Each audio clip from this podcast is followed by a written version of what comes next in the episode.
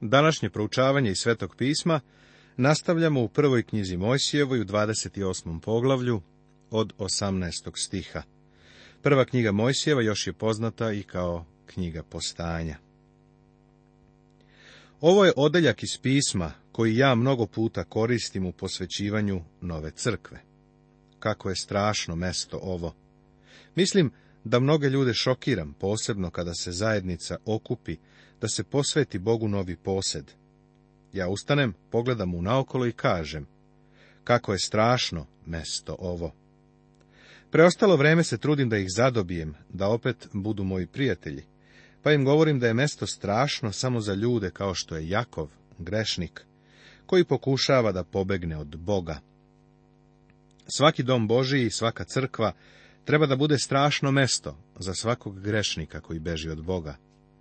To je mesto gde grešnik treba da bude u mogućnosti da se susretne sa Bogom, da mu se približi licem u lice, kroz lestve koje su poslate dole sa neba, a to je Hristos. Kada je Jakov pobegao od kuće, imao je ograničen pogled na Boga.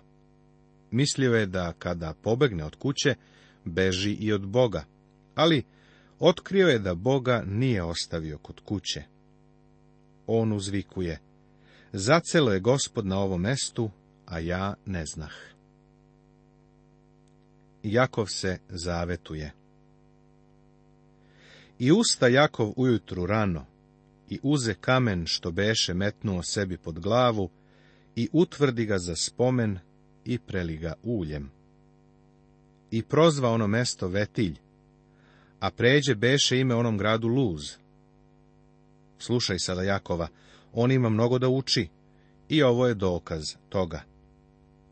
I učini Jakov zavet, govoreći. Ako Bog bude sa mnom i sačuva me na putu kojim idem i dami mi hleba da jedem i odela da se oblačim, i ako se vratim na miru u dom oca svojega, gospod će mi biti Bog. Šta on radi? Hoće da trguje sa Bogom. On kaže, Sada, Bože, ako ti ovo učiniš za mene.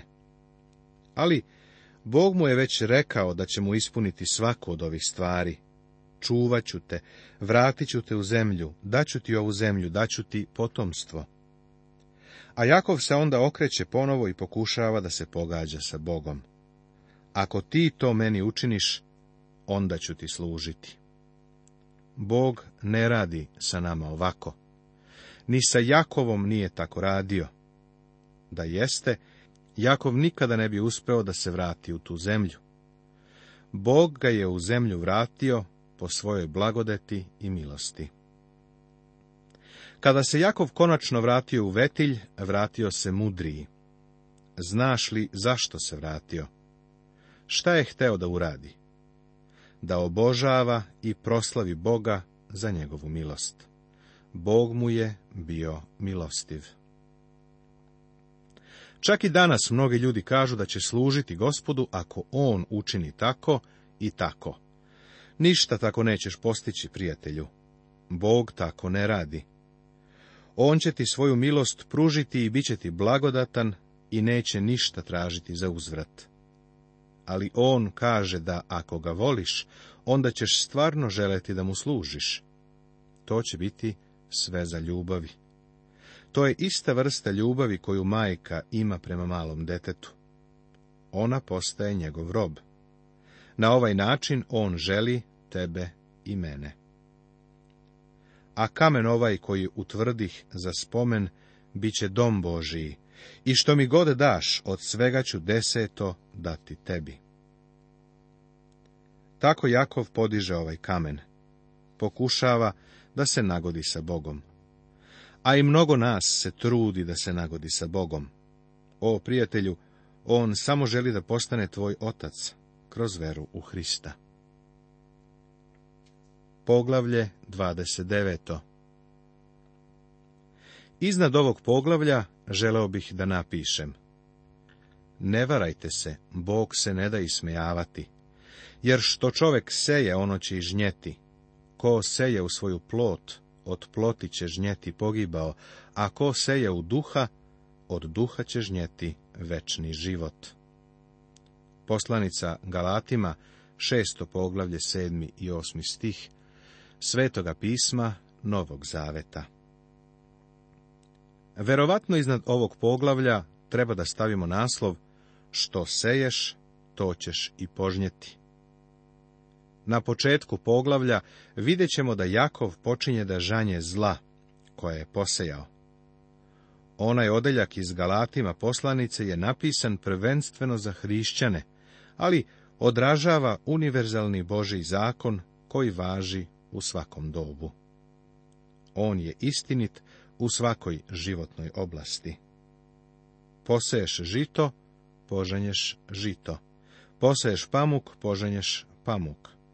Ako poseješ pšenicu, nju ćeš i požnjeti, ako seješ kukolj, njega ćeš i požnjeti. Primjeri ovog principa protežu se kroz celo pismo. Na primjer, Faraon je poubijao jevrejsku mušku decu, a onda je u određeno vrijeme njegovog sina pogubio anđeo smrti. Ahav je, pomoću lažne optužbe, pogubio nabota i psi su lizali njegovu krv. Bog je kod Ahava poslao proroka Iliju sa porukom da kao što su psi lizali nabotovu krv, lizaće i Ahavovu. I to se doslovno tako ispunilo.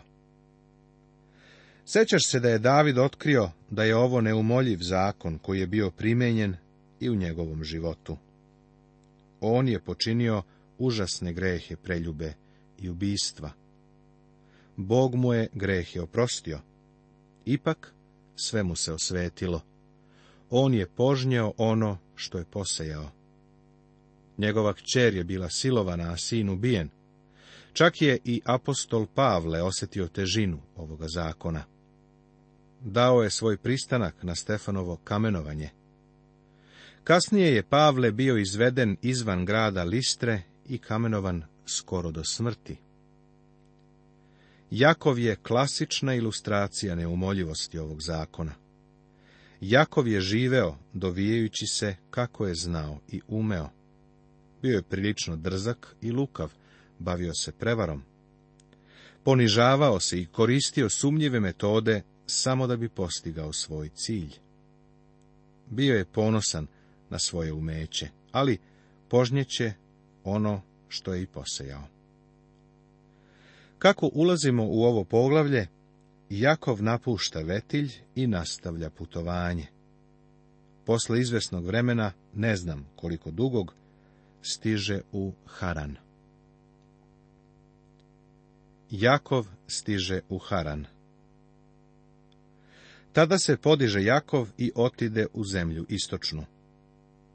I obzirući se ugleda studenac u polju, i gle, tri stada ovaca ležahu kod njega, jer se na onom studencu pojahu stada, a veliki kamen beše studencu na vratima.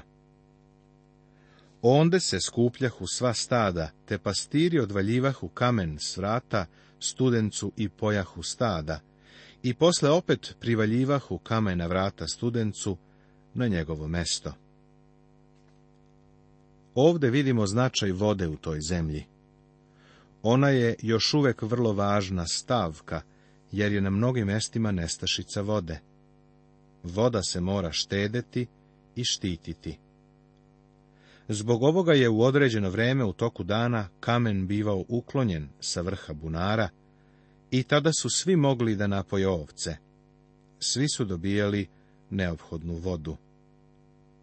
Zatim bi se kamen ponovo vraćao i zatvarao bunar. Sada Jakov, pre nego što je kamen bio odvaljen sa bunara, stupa na scenu. Veruj mi, on je prepredeniji nego ikada. I Jakov im reče, braćo, odakle ste? Rekoše iz Harana smo.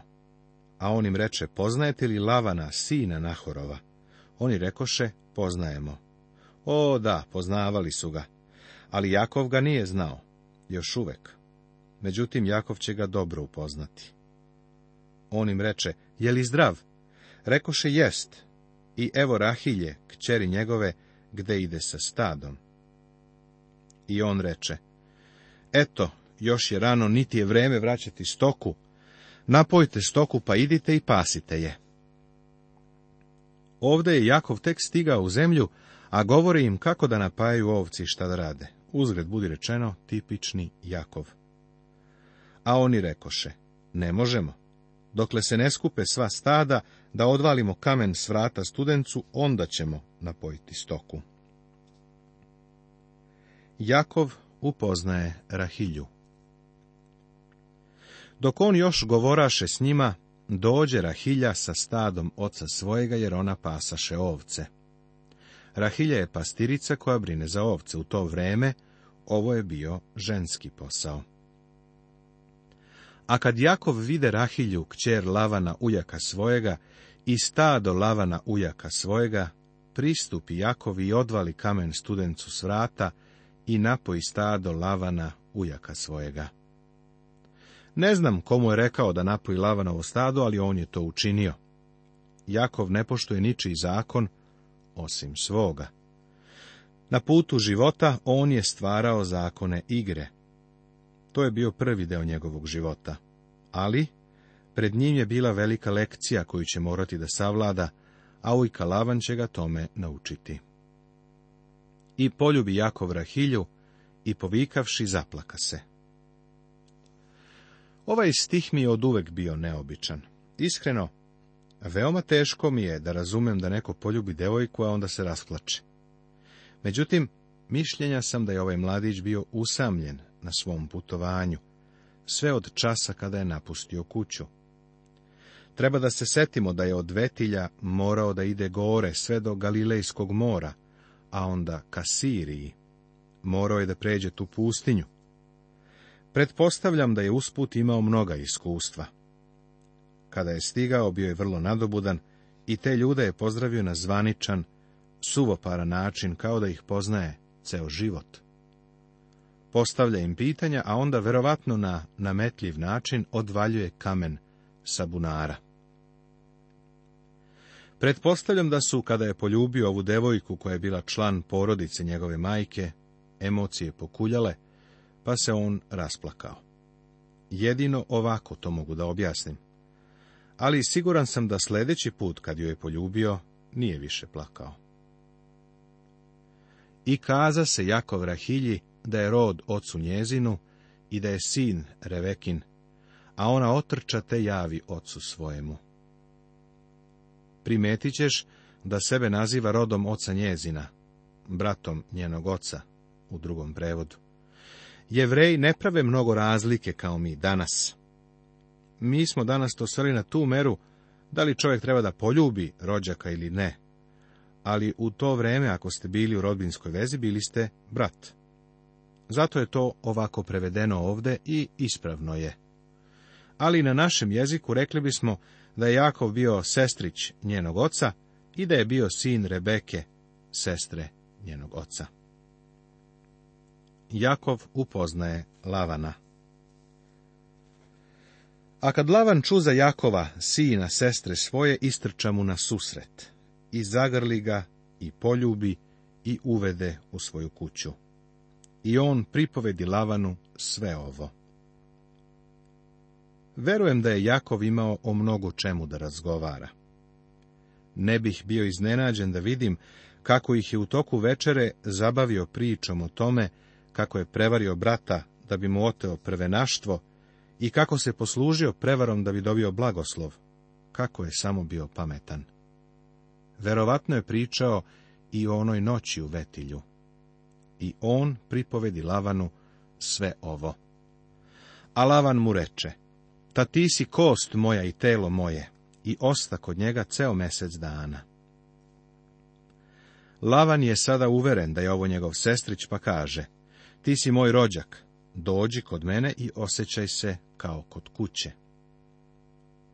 Meseci prolaze i zapazi šta se dešava. Jakov ne radi. On je rođak iz daleke zemlje i došao je da posjeti ujaka. Pretpostavljam da je mislio da tu treba da ima besplatan smeštaj i hranu. Za to vreme on se udvara Rahilji. Bar je zaljubljeno pogledao na tu stranu. A mislim da je i ona njega isto tako gledala. Sada pretpostavljam da se sljedeći događaj zbio jednog jutra za vreme doručka. Tada reče Lavan Jakovu, Zar badava da mi služiš, što si mi rod? Kaže mi šta će ti biti plata. Ovaj ujkalavan je bio vrlo bistar. Pa ko je išta govorio o poslu? Jakov nije. Tako ujkalavan je vrlo taktičan i kaže da ne želi da Jakov radi kod njega za džabe. Kaže da će Jakovu platiti. Iskreno, sa Lavanom ne možeš da živiš mjesec dana, a da se ne napravi neka vrsta dogovora za plaćanje hrane. Ujkalavan je vešt i sada će da se dogovori sa svojim nečakom. A Lavan imaše dve kćeri. Starijoj beše ime Lija, a mlađoj Rahilja. Ovde se upoznajemo sa drugom kćerkom, Lijom. Ujkalavan je posmatrao ovog mladića i zapazio je da je Jakov vrlo zainteresovan za Rahilju, mlađu kćer. Sljedeći stih nam objašnjava zašto. I Lije bijehu kvarne, odnosno slabašne oči, a Rahilja beše lepa stasa i lepa lica. Rahilja je bila vrlo lepa. Lije je imala kvarne oči. Ovo je poseban način izražavanja u kome se kaže da uopšte nije bila lepa.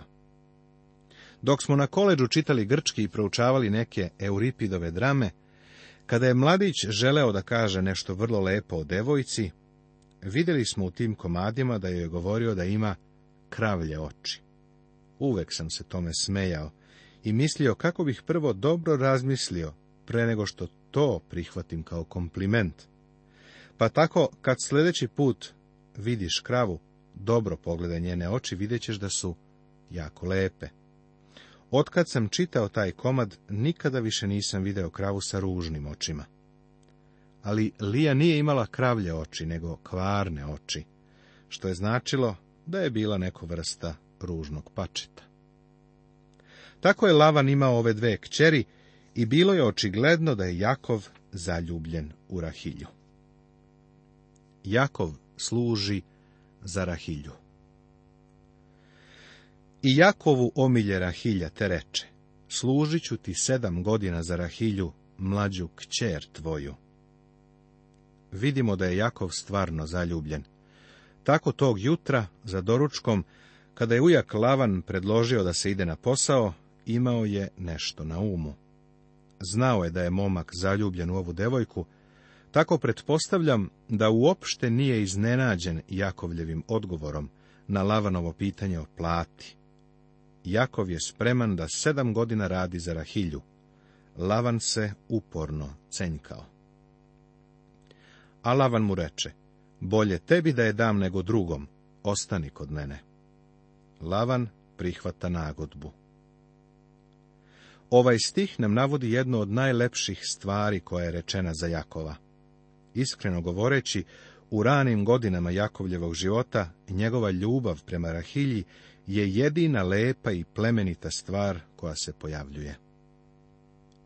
I odsluži Jakov za Rahilju sedam godina, i učiniše mu se kao nekoliko dana, jer je ljubljaše. Jednostavno možeš sebi da predstaviš ovog čoveka kako radi. Kažem ti da ga je ujka lava nagonio na težak rad.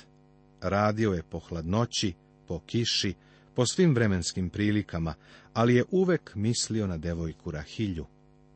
Onda bi ga ona sačekala posle napornog dana, bio je očajnički zaljubljen u nju i reče Jakov Lavanu, daj mi ženu, jer mi se navrši vreme da legnem s njom. I sazva Lavan sve ljude iz onog mesta i učini gozbu. Jakov je prevaren i oženjen Lijom. Obrati sada pažnju na to šta ujka Lavan radi. A uveče uze Liju kćer svoju i uvede je k Jakovu i on leže s njom. I Lavan dade Zelfu robinju svoju, Liji, kćeri svoje da joj bude robinja. A kad bi ujutru, gle ono beše Lija. Te reče Jakov Lavanu, šta si mi to učinio? Ne služim li za Rahilju kod tebe, zašto si me prevario? A Lavan mu reče, ne biva u našem mestu da se uda mlađa, pre starije. U to vreme, u toku svadbene ceremonije, žena je bila pokrivena velom, i to tako gustim velom da niko nije mogao da je vidi. Siroti Jakov nije video devojku koju dobija sve do sutradan ujutro. Gle čuda, to nije bila Rahilja, nego Lija. U trenutku kada je video da je prevaren, pitam se da li se prisjetio ičega u vezi sa svojim ocem, kada se on, Jakov, pretvarao da je stariji sin. Prevario je oca, i iz tog razloga je morao da napusti dom. Vidiš, Bog ne odobrava ovako ponašanje. Jakovu se sada sve to sveti. Nastavit će se.